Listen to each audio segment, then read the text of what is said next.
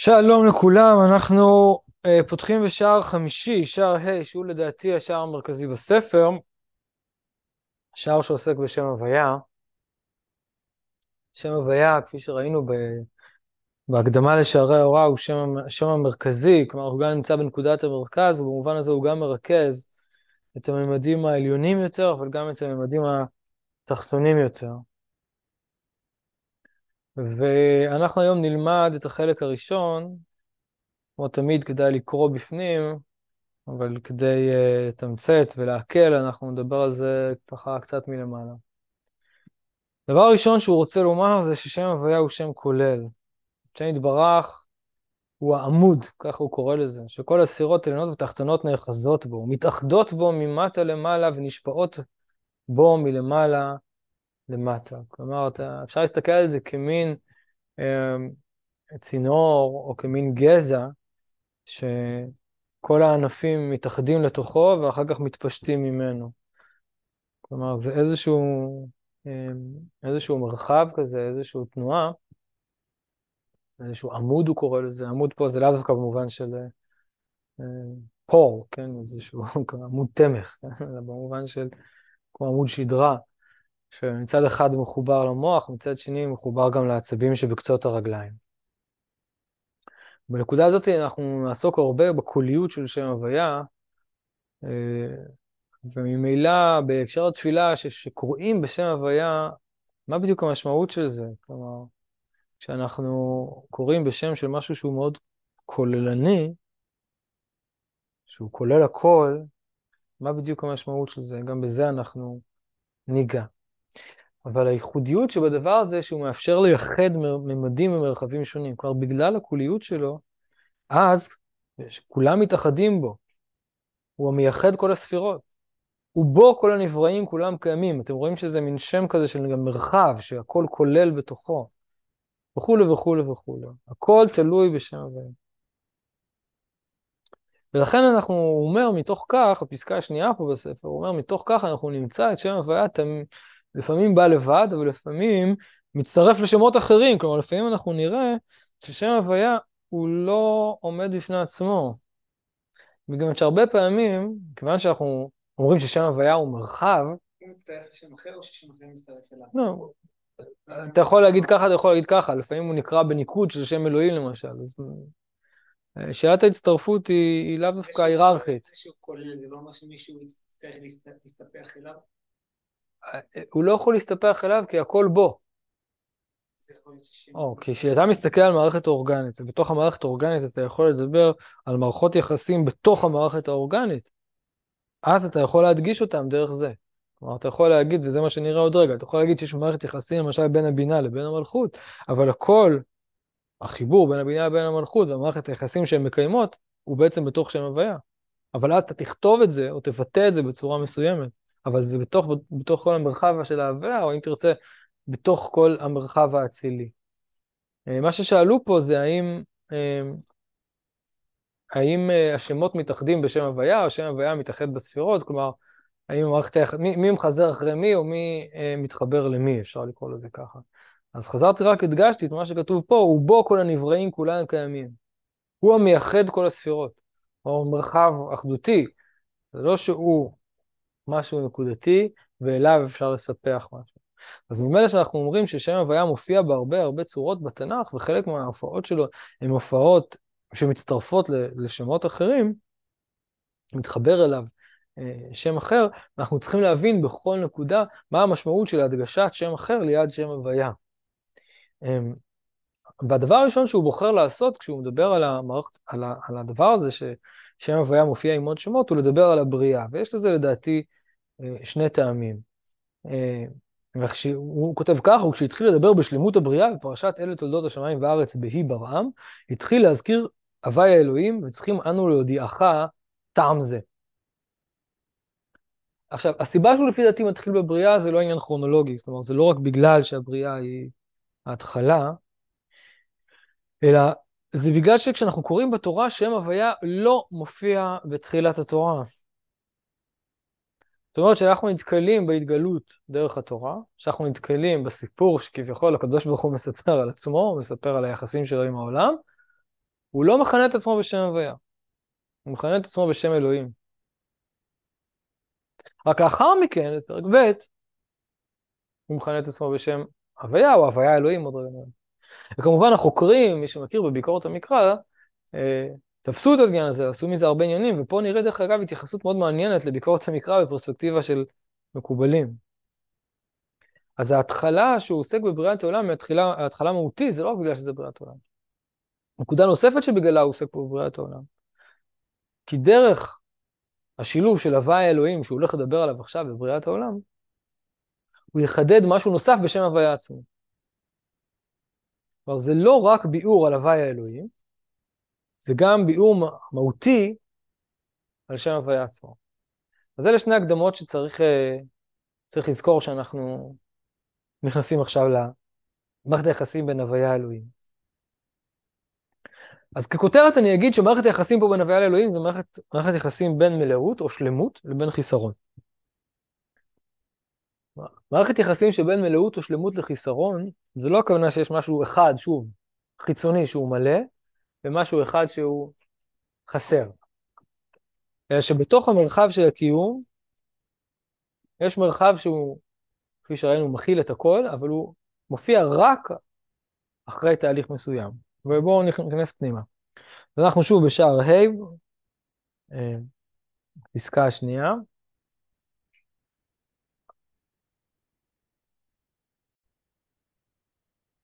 אוקיי, אז הוא אומר ככה, בגלל שהשם, שם הוויה, אני קורא ישר בתרגום, אני לא קורא כל כך את הטקסט, לפעמים אני קצת אקרא את הטקסט. מכיוון ששם הוויה הוא משוכלל, הוא הכל, יש בו הכל, ויש בו אחדות של כל הדברים, והוא מייצג שלמות מסוימת, אז לכן הוא לא נזכר במעשה בראשית, כי מעשה בראשית הוא תהליך של בריאה, תהליך של התפתחות. ומכיוון שהעולם הוא לא שלם, אי אפשר לדבר על המושג עולם ומלואו, מכירים את הביטוי היהוד... הלשוני הזה? עולם ומלואו. מה זה עולם ומלואו? עולם ומלואו בא לייצג מרחב, עולם, שהוא גם מלא. העולם לא חייב להיות מלא. יכול להיות שהעולם מייצג חיסרון מסוים. אז הוא אומר, מעשה בראשית עדיין לא היה מושג של עולם ומלואו. ולא היה עולם על מלואו, אלא כל הדברים היו נעשים ובאים. במרחב שאנחנו קוראים לו ששת ימי הבריאה, יש לנו תהליך של התפתחות, דברים נעשים ובאים, הם לא שלמים. וכשנגמרה בריאת העולם, נשתחללו כל הדברים, נגמרו כל הדברים בשלמות ובתיקון שלם, אז הזכיר הוויה אלוהים, שהם שני שמות מתאחדים זה עם זה. יש פה דבר מאוד מאוד עמוק. לכאורה, אם שם הוויה הוא השלמות, אז היה צריך בגמר מעשה הבריאה להפסיק להזכיר שם אלוהים ולהזכיר אך ורק שם הוויה. כלומר, להגיד, עד עכשיו האלוהות שהכרנו מתוך העולם, אם כביכול היה בן אדם באותו זמן, אם הייתה תודעה באותו זמן, וכמובן שזה לא מדבר רק על איזשהו זמן כרונולוגי, שאי פעם בבריאת העולם היה משהו וזה לא רלוונטי לימינו, אלא גם אצלנו בתודעה שלנו, בין בתודעה הפסיכולוגית ובין בתודעה הטבעית, אנחנו הרבה פעמים נתקלים בתוך מרחב שהוא הולך ונעשה, במובן הזה הוא חסר. במובן הזה הוא לא שלם. למשל, ילדים. יש לנו ילדים, והם מעצבנים, נכון? כי, אה, נו, כבר אין לי כוח, אני רוצה שהוא יבין, נכון? כן, כן, אני רוצה שהוא יהיה באיזשהו מקום בשלמות. עוד רגע נדבר על מושג השלמות הזה, ולמה יש בעיה עם המושג השלמות. במובן מסוים, מושג החיסרון הוא הרבה יותר פשוט ובטוח וברור מאשר מושג השלמות, אבל עוד רגע נדבר על זה. אבל בכל מקרה, אנחנו נתקלים במשמעויות האלה של חיסרון ושלמות כל הזמן. זה לא רק איזה משהו שהיה אי פעם ב... אז אז, שם שם, בראשית הקיום כביכול. אבל בכל מקרה בואו נחזור, זו הערה חשובה, רק שנבין את ההקשר שבו אנחנו מדברים, אבל אם נחזור שנייה לבריאת העולם. אז הדברים היו נעשים ובאים, הדברים היו לא שלמים. ובמובן הזה שם אלוהים שייך לזה, עוד רגע נסביר למה, הוא בעצמו יסביר למה. אבל, הוא אומר, כאשר נגמרה הבריאה, כאשר היה איזשהו מרחב של שלמות מסוימת, בום, הופיע שם הוויה, אבל הוא אומר, הופיע שם הוויה אלוהים. ואז פרק ב', כפי שאמרנו שהחוקרים, מבקרי המקרא מאוד עוסקים בזה, בפרק ב' בבראשית פתאום מדברים על שם חדש, מופיע אלוהים חדש. אם היה אדם עומד שם, פתאום הוא מכיר אלוהים חדש. אם אדם היה מסתכל על העולם, על מרחב הקיום, בששת ימים בראשית, הוא היה קורא לאלוהים אלוהים. הוא היה קורא נקרא לזה לצורך העניין לישות הזאת, אלוהים. אבל אם הוא היה עומד אחרי ששת ימי בראשית, הוא היה קורא לו הוואי האלוהים כביכול. ואנחנו פה שואלים שאלה, למה הוואי אלוהים ולא רק הוויה? שאלה ברורה? אם זה לא ברור, אז נא לדבר. אז הוא אומר ככה. כי אלוהים הרבה פעמים מתלבש בשם אדנות, ואז נקרא אדוני אלוהים, כמו שהודענוך. אז קודם כל תדע שבאופן כללי, כשאנחנו אומרים הווי האלוהים, בגדול זה מכוון גם להווי האדנות. למה בכל זאת לא קרה הווי האדנות? אני אסביר עוד רגע. ובהתאחד הווי האדנות, שהוא סוד הווי האלוהים, אז כל הדברים בשלמות גמורה. הופ, אז אנחנו רואים פה מושג נוסף של שלמות. לפני רגע, בתחילת המפגש שלנו אמרנו ששם הוויה הוא שם של שלמות, כמו שקראנו בפנים, נכון?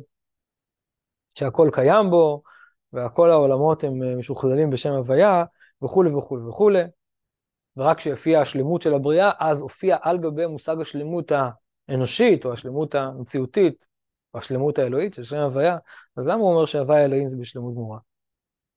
עכשיו פה יש הערה שהיא חשובה, הוא, זה סוגריים, אבל אז לא עשו סוגריים או כוכבית, אז הוא כותב את זה בפנים.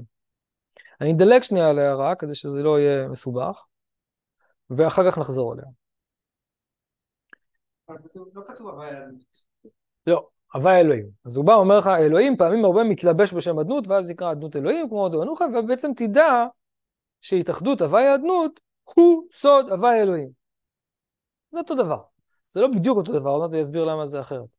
אבל תדע שאנחנו מכוונים לקצוות שנקראות הוויה אדנות. זה מלאכות.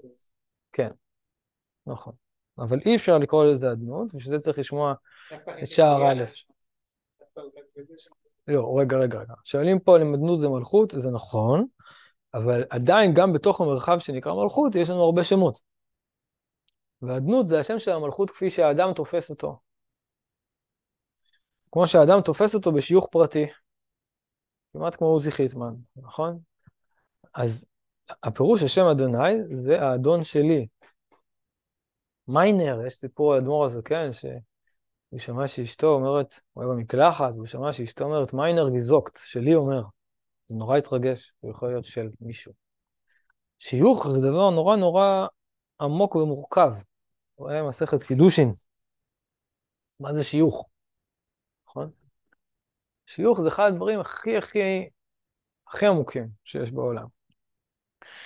וכידוע לכם שקניין זה שייך לעולם האצילות, נכון? ברוך עושך, ברוך יוצרך, ברוך בורך, ברוך קונך. אז מושג הקניין הוא מושג עמוק מאוד. אז אנחנו לא עוסקים עכשיו בשם אדנות, כלומר מלכות כפי שהיא מופיעה כשם אדנות, אנחנו עוסקים במושג המלכות, שיכול להופיע גם כשם אלוהים. ועוד מעט הוא יסביר למה דווקא בחר בשם אלוהים. שם אלוהים גם שייך למלכות, כן, צריך ללמוד שער א', לשמוע את ההקלטות של שער א', יש בספוטיפיי. בסדר? לא, זה גם גבורה, אבל זו ההערה שדילגתי עליה. כן? כשלומדים קבלה צריך לדעת, אותו דבר יכול להופיע בהרבה הרבה מרחבים. ש... כי זה החיים שלנו, נכון? כשאנחנו כועסים, אנחנו יכולים לכעוס על עצמנו, אבל בעצם להוציא את זה על מישהו אחר. אנחנו יכולים לכעוס על מישהו אחר, אבל להוציא את זה על עצמנו. אנחנו יכולים לכעוס, אבל אנחנו בעצם עצובים. אבל קשה לנו להתמודד עם, כע... עם עצב, אז אנחנו מוצאים איזו צורה של כעס, נכון? כלומר, יש ממדים שמופיעים בהרבה הרבה הרבה צורות. כל הופעה בכל ממד יש לה ייחודיות והיא עובדת אחרת, אבל עדיין אנחנו יכולים לזהות בה איזושהי מערכת יחסים כזאת או אחרת. כלומר, כל השופטים נמצאים בכל הספירות. במובן מסוים כל ספירה כוללת את כל הספירות, נכון. עכשיו, האם כל השמות נמצאים בכל הספירות זה קצת יותר מסובך, כמובן שצריך לפי זה להסביר מה היחס בין שמות לספירות, אבל אנחנו לא נוכל להתפשט יותר מדי. יש לנו בסך הכל 40 דקות שכבר נשאר לנו מהם פחות מזה. אז אז לצורך העניין, אמ, הוא אומר ככה, הנה אמר כתוב שאו מרום מנחם וראו מי ברא אלה. זה חידוש מאוד גדול, שאדם מסתכל בעולם, הוא צריך להרים את העיניים, הוא לא יכול להסתכל בתוך הטבע, צריך להרים את העיניים, ואז הוא מגיע לשאלה, שאו מרום מנחם וראו מי ברא אלה. עכשיו, שימו לב לשאלה. בשאלה קודם כל יש משמעות של בריאה, כי את חוויה של היצירה לא צריך להרים בשביל העיניים, אוקיי? אחר כך יש פה עניין פרסונלי, מי? זו שאלה שיש בה אלמנט פרסונלי, כלומר יש פה איזו אישות. ואחר כך, יש פה שאלה. זה לא סומר עליכם, הוראו כי הוויה, לא משנה מי, ברא אלה, כן? זה לא מה שכתוב. שאלה. עכשיו, המקובלים קוראים לזה שמי ברא את אלה.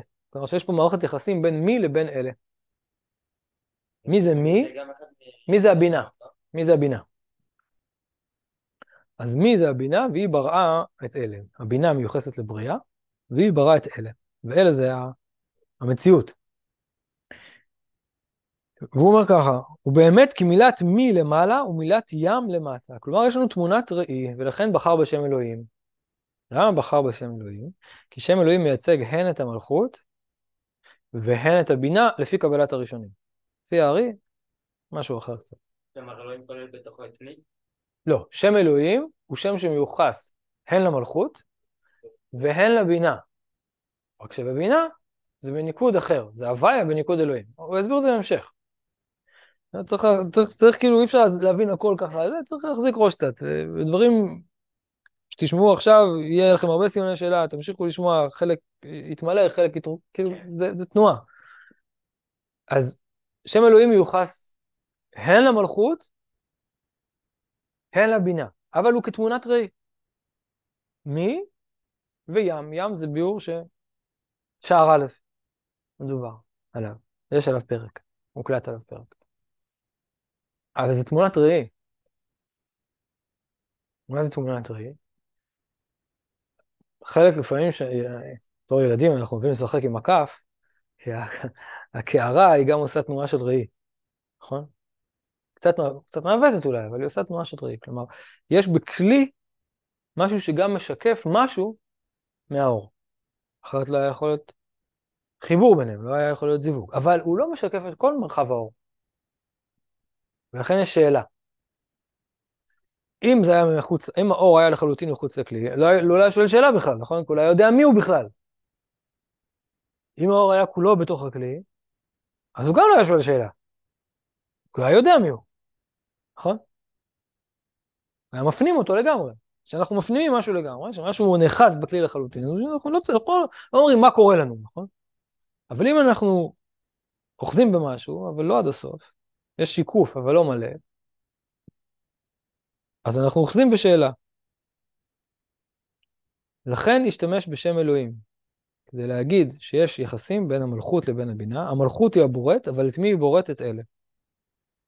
ומילת מי למעלה ומילת ים למטה, ומילת מי ברא אלה. בתחילת התלבשות שם אלוהים בסוד השם הנקרא הוויה הדמות, כי היא נכתבת במילת הוויה ונקראת בניקוד אלוהים. זה הבינה. הוויה בניקוד אלוהים. קוראים את זה, הכתב. ולא ניכנס עכשיו למערכת היחסים בין הכתב לקריאה. הכתב הוא הוויה, הקריאה היא אלוהים.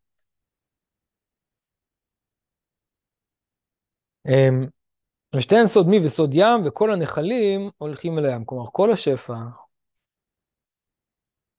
שמתפצל ומתגלגל, בסופו של דבר הולך ומתנקז חזרה בתוך המלכות. במידה הזאת שנקראת מי, יסוד התלבשות אלוהים בשם הוויה, ממנה וכולי וכולי, בסדר, אנחנו אמרנו שנדלג פה על השאלה של היחסים בין הגבורה לבין הבינה. אני רק אגיד משפט לזה, כדי שיהיה אפשר קצת להבין את השורות האלה שאני מדלג עליהן.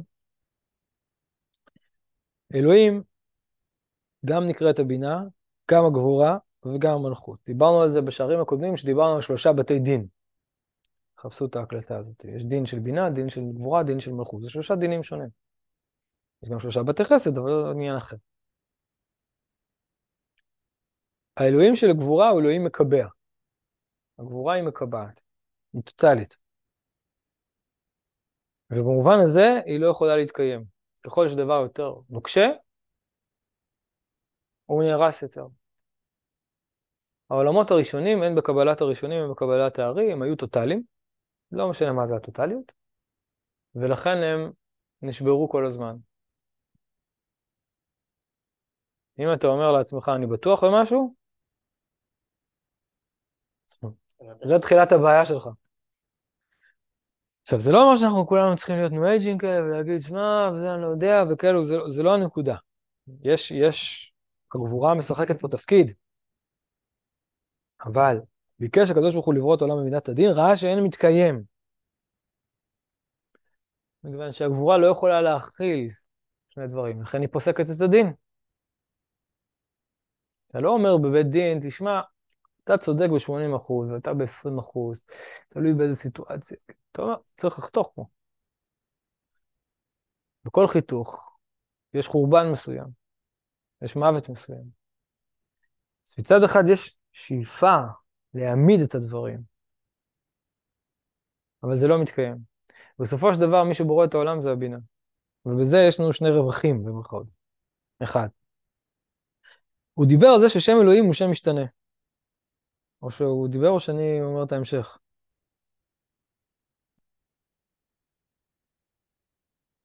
אה, אני כבר לא זוכר אם אמרתי את זה שהוא אומר את זה בהמשך. בכל מקרה, שם אלוהים הוא שם שכל הזמן משתנה. לפי ששם אלוהים, אני מדלג קדימה, זה, ש... לא קראתי את זה, אז לכן... לפי ששם אלוהים, לפעמים הוא חסר, לפעמים הוא מלא, הוא צריך להזכירו בבריאת העולם, בעוד שלא היה העולם במלואו ולא נגמרה כל צורת בריאותיו. כלומר, המלכות היא לפעמים מלאה, לפעמים חסרה. אבל מה שמעניין זה שמי שממלא אותה זה מישהו שהוא גם משתנה כל הזמן, אבל באופן אחר של שינוי. יש שינוי של מלאות וחיסרון. אני אקצין קצת ואגיד, ביפולר, מניה דיפרסיה, כזה. פעם הוא מלא, פעם הוא חסר, פעם הוא מלא, פעם הוא חסר. חשוך, מהיר, חשוך, מהיר. אפשר להסתגר. אבל, וגם כשהוא מלא, כל הזמן יש תחושה שהוא מחובר לחשמל, כלומר ש, שזה, שזה יונק, זה יניקה. אם זה יניקה, אתה כל הזמן מרגיש את החיסרון. גם כשאתה מלא, אתה מרגיש את החיסרון, כי אתה בעצם כל הזמן מתמלא ממשהו, נכון? כמו בריכה, שאם תפסיק את ה... בהנחה שהיא לא מדופנת טוב, כל זה, כן? זה לא, זה לא מעיין סופית. אם אתה, אם אתה מנתק את המעיין או את, התזר, את הזרימה לתוך הבריכה, המים ילכו. אתה כל הזמן צריך להחזיק אותם מלאה. זה החיסרון שבמלכות. זה לפעמים מלא ולפעמים חסר. אבל ה... וזה השינוי. השינוי שבמלכות הוא לפעמים מלא, לפעמים חסר, אבל השינוי בשם אלוהים, ופה אני אומר דברים שלא כתובים פה בפירוש, אבל זאתי דעתי על סמך דברים אחרים שכתובים בספר, ואני לא אזכיר את המראה מקומות לקיצור הזמן. הבינה היא גם כן כל הזמן משתנית. הבינה נקראת עולם הבא. הבינה היא העולם האידיאלי, שהוא עולם המחשבה, עולם המחשבה, שהוא תמיד בא. הוא אף פעם לא יכול לבוא לחלוטין. נכון, העתיד תמיד מתוק. גם שאתה, אולי שאתה בן 100, אה, 119 ואתה ככה סרט זווי, אז אולי אתה אומר, טוב, כבר... אבל גם מחר יהיה יום חדש, כפי שנאמר בחלף עם הרוח, כמדומני, לא זוכר. הבינה כל הזמן, הבינה כל הזמן שופעת, היא שפע אינסופי, היא שייכת לספירות, לג' ראשונות, שמעבר למרחבים מוגדרים בכלל, באופן טוטאלי, במובן הזה היא כל הזמן שופעת. כך שבריאת העולם היא בעצם חיבור בין שני ממדים, בממד של הבינה לבין הממד של המלכות. הוא בא לחדש שזה שם הוויה שמופיע על הבריאה. אז אם אני מסכם, מה זה שם הוויה אלוהים שמופיע בבריאה? זה בעצם הופעת הבינה במלכות. ויש מערכת יחסים, כי גם שם אלוהים מורכב במערכת יחסים בין בינה למלכות. צאו מרום עיניכם וראו מי ברא אלה, אני חוזר אחורה פה בספר, והוא אומר,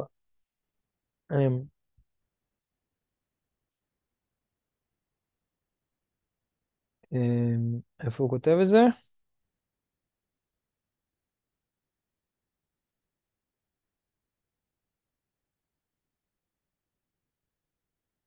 אה, פה בהמשך. אבל כשנגמרה בריאת העולם נזכר שם הוויה, אלוהים בעוד שלא נגמור כל הצורות, הוויה יגמר כל הצורות, לפי שהשם נקרא אלוהים אינו שלם, כי אם בשם הוויה. והסוד או מי ישום אילם או חירש או פיקח או עיוור, אלא אנוכי הוויה, תזכירו לי לחזור לפסוק הזה. והסוד מי ישום אילם, אלא אנוכי הוויה, הוא סוד אלוהים, שאילו תסיר משם אלוהים שני אותיות של שם הוויה, שם י"ק יישאר אילם. אלוהים בלי י"ק אילם. וגם מי ברא אלה, זה גם אלוהים. מי ואלה, זה המילה אלוהים. כלומר, המילה אלוהים מורכבת משני צירופים. אחד, מי ואלה, שאו מרום מנחם וראו מי ברא אלה. בסדר? אז בתוך המלכות אתה יכול לזהות את הבינה, שזה חידוש גדול, אבל זה בצורה של השתקפות הפוכה, מי וים, והים גם הוא סוג של מראה, אבל זה צריך התבוננות. זה אחד. אבל עוד, עוד אפשרות שיש פה, זה מה שהוא אומר, י"ק ואילם. זאת אומרת, העולם כשלעצמו הוא סתום. הוא אילם. העולם כשלעצמו אין בו את הדיבור הבורא. הוא אומר אלוהים יהיה אור וכולי, כן? אין בו את הדיבור האלוהי. העולם כשלעצמו הוא, הוא אטום, הוא סתום. לא מתגלה עליו י"ק, לא מתגלה עליו שם הוויה, לא מתגלה עליו המרחב האלוהי. שמעבר, המרחב של ג' ראשונות, כן? ששם הוא... שם באמת יש מרחב. מן המצר קראתי יא, אני אומר במרחב יא. מרחב י"ק. שם זה המרחב האמיתי, זה מקום שאין בו גבולות בכלל. קבלת הראשונים, ג' ראשונות, הם מרחב בלי גבולות. עכשיו, מה קורה עם המרחב הזה? האם הוא מנותק מן העולם, או האם בתוך העולם הזה, שהוא חסר ומלא והוא מלא גבולות, יכול להופיע המרחב האלוהי, או שהוא נשאר אילם, או שהוא לא מדבר, או שהטבע לא מדבר, או שהמציאות לא מדברת. האם אלוהים, במובן הזה, כאדם אני אגיד האלוהים שותק, או האלוהים אילם, אין לו פה. הוא לא מביע רצון, הוא לא מביע נוכחות. אוקיי? אז מתי אנחנו יכולים להרגיש בתוך שם אלוהים את הדיבור האלוהי? י"ק מצטרף לאילם, ואז נהיה אלוהים. לפיכך נברא העולם בשם אלוהים. אז לסיכום, מושג שם מלא על עולם מלא, ויש הרבה מה לדבר פה, אבל אנחנו running out of time, אז לסיכום, אם אנחנו שמים בצד את העניין של הגבורה, שהיא נושא צדדי פה, נושא חשוב, אבל, אבל נושא צדדי, בעולם יש שני ממדים. העולם כשלעצמו הוא ממד חסר. הוא לא יכול לגלות את שם הוויה. זה המלכות, זה שם אלוהים כפי שהוא לעצמו. ולכן פרק א' של הבריאה הוא חוויה של עולם חסר. הוא חסר בגלל שהוא מתהווה. יש בהתהוות, בהתפתחות גם כאב. כפי שאמר קרובי, אני רוצה להיות שם. זה תמיד חסר ממשהו. ובתוך הממד הזה של החיסרון יש לנו שתי אפשרויות. להגיע לשלמות טוטאלית, סוגריים גבורה, ולהישבר, לקבע, לעצור את ההתפתחות, איך שלא תרצו לקרוא לזה, ולהישבר. זה הוא לא אומר, אני מוסיף. או, כי הוא רומז את זה, זה שהעולם לא מתקיים. אין בה... אנחנו לא באותם עמודים, אבל תראו שם. או אפשרות אחרת, וזה לחכות שהעולם יהיה באיזשהו מקום של שלמות, וזו שאלה מאוד מעניינת, מה המעבר מפרק א' לפרק ב'? מה קרה בפרק ב', ש... כאילו, מתי זה היום השישי? מתי יום השישי נגמר? זאת שאלה מעניינת. היה אפשר להגיד אולי יום שישי הוא שביעי, אולי שמיני נגמר, אולי תשיעי נגמר, אולי עשירי נגמר, אולי חמישי כבר יכול להיגמר. יש איזה רגע, והוא רגע יקר, שאני חושב שהוא השאלה העמוקה ביותר פה, וכרגע אני לא במוחין להיכנס לשאלה הזאת, כי זה לא בתוך הדברים שנאמרים, הוא רק אומר, נגמרה בריאת העולם, נשתכללו כל הדברים, נגמלו כל הדברים בשלמות ובתיקון שלם. מי קובע מה זה תיקון שלם? זו שאלה מעניינת. אבל בכל מקרה, שיש איזשהו רגע כזה, ואני חושב שהרגע הזה מוגדר במקומות יותר עמוקים מאשר הבינה, אבל בכל מקרה שיש איזה רגע כזה שאתה יכול לראות שלמות בעולם, וזה לא שלמות מקובעת. וזה החידוש של הרגע הזה. זה לא שלמות מקובעת. הייתי אומר בשפה פסיכולוגית, שאתה יכול לראות שההתפתחות היא לא רק תנועה של חיסרון שרוצה להתמלא. ברגע שאתה רואה את זה, עד כאן מובן? אז עוד שניה תשאלו שאלות. ברגע, ברגע שאתה רואה את זה, אתה יכול להופיע את הדיבור בתוך זה. כמו שאם מישהו מספר סיפור יפה, אז אתה לא אומר, נו, מה הסוף? נכון? אתה, אתה אפילו רוצה שזה לא ייגמר. never ending story, מי שמכיר. בסדר? סיפור טוב לא נגמר. אתה רוצה שהוא ימשיך. שבוע הבא אנחנו נראה דברים שקשורים לראש השנה, זה, זה לא, לא, לא במיוחד, כאילו ממש ההמשך פה זה ראש השנה. אבל תקיעת שופר, ולמה נזכרתי בזה? בגלל שספר החיים גם קשור לזה. הבינה היא ספר החיים, במובן הזה, ס, סיפור חיים הוא דבר שלא נגמר. אז יש איזה רגע שבו מופיע שם הוויה, אבל איך מופיע שם הוויה? הוא לא מופיע בצורה שהוא מחליף את, ה... את שם אלוהים, שהוא מבטל את החיסרון התחתיתי, החיסרון התחתון שתיארנו קודם. לא מופיע בצורה הזאת שבו הוא אומר טה-טה-טה-טם, והוא מגרש את ה... נקרא לזה את המלאות, את החיסרון, את הלבנה, את החושך, את כל המאניה דיפרסיה, את כל הבלגן הזה, הוא לא, זה לא שם. אלא מופיע מתוכו, ברגע הזה שהתנועה הזאת של ההתמלאות הופכת להיות משהו שהוא אני יכול לשמוע אותו אחרת, כמו שתיארתי, מופיע עליו הבינה, הוא הופך לדיבור. כי אם אתה חי בעולם שאין בו דיבור, שזה לא סיפור, כמו שניסיתי להמשיל את זה כמטאפורה, אז זה, זה, זה באמת כאילו, זה, זה, זה נורא מתסכל וזה נורא כואב, העולם משתנה כל הזמן, הוא חסר, הוא מלא, ואתה יום אסל, יום באסל, זה סבל, יש בזה סבל. אבל אם יום אסל ובאסל זה חלק מסיפור, ואז המלאות והחיסרון כבר לא משקפים סתם תנועה מחזורית של מלאות וחיסרון, הפיניקס של, של עוף החול של, של המצרים, וכל מיני דברים שהיו בעולם העתיק, עולם החיים ועולם המתים, המחזוריות של כל העולם העתיק, זה לא שם. אלא, הם מסמלים תנועה אינסופית, כמו של הבינה, שהיא כל הזמן באה, שזה גם, אתה יכול לחוות את זה מלמטה כמלאות וחיסרון, זה ההשתקפות בין מי לבין ים. כן, יש משהו שכל הזמן בא, זה אומר שמשהו עדיין לא, לא שמעת, כל הזמן, זה סיפור באמצע. אבל זה לא חיסרון במובן האקוטי של המילה, החריף של המילה, שחסר לי משהו, אני מת. משהו בבינה משתקף במלכות. משהו בשפע הזה שהולך ובא, הולך ובא, הולך ובא, משהו בעולם הבא משתקף בעולם הזה.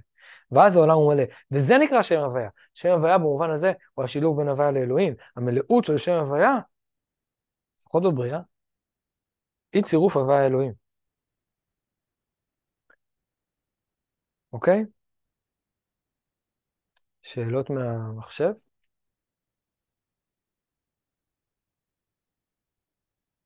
אוקיי.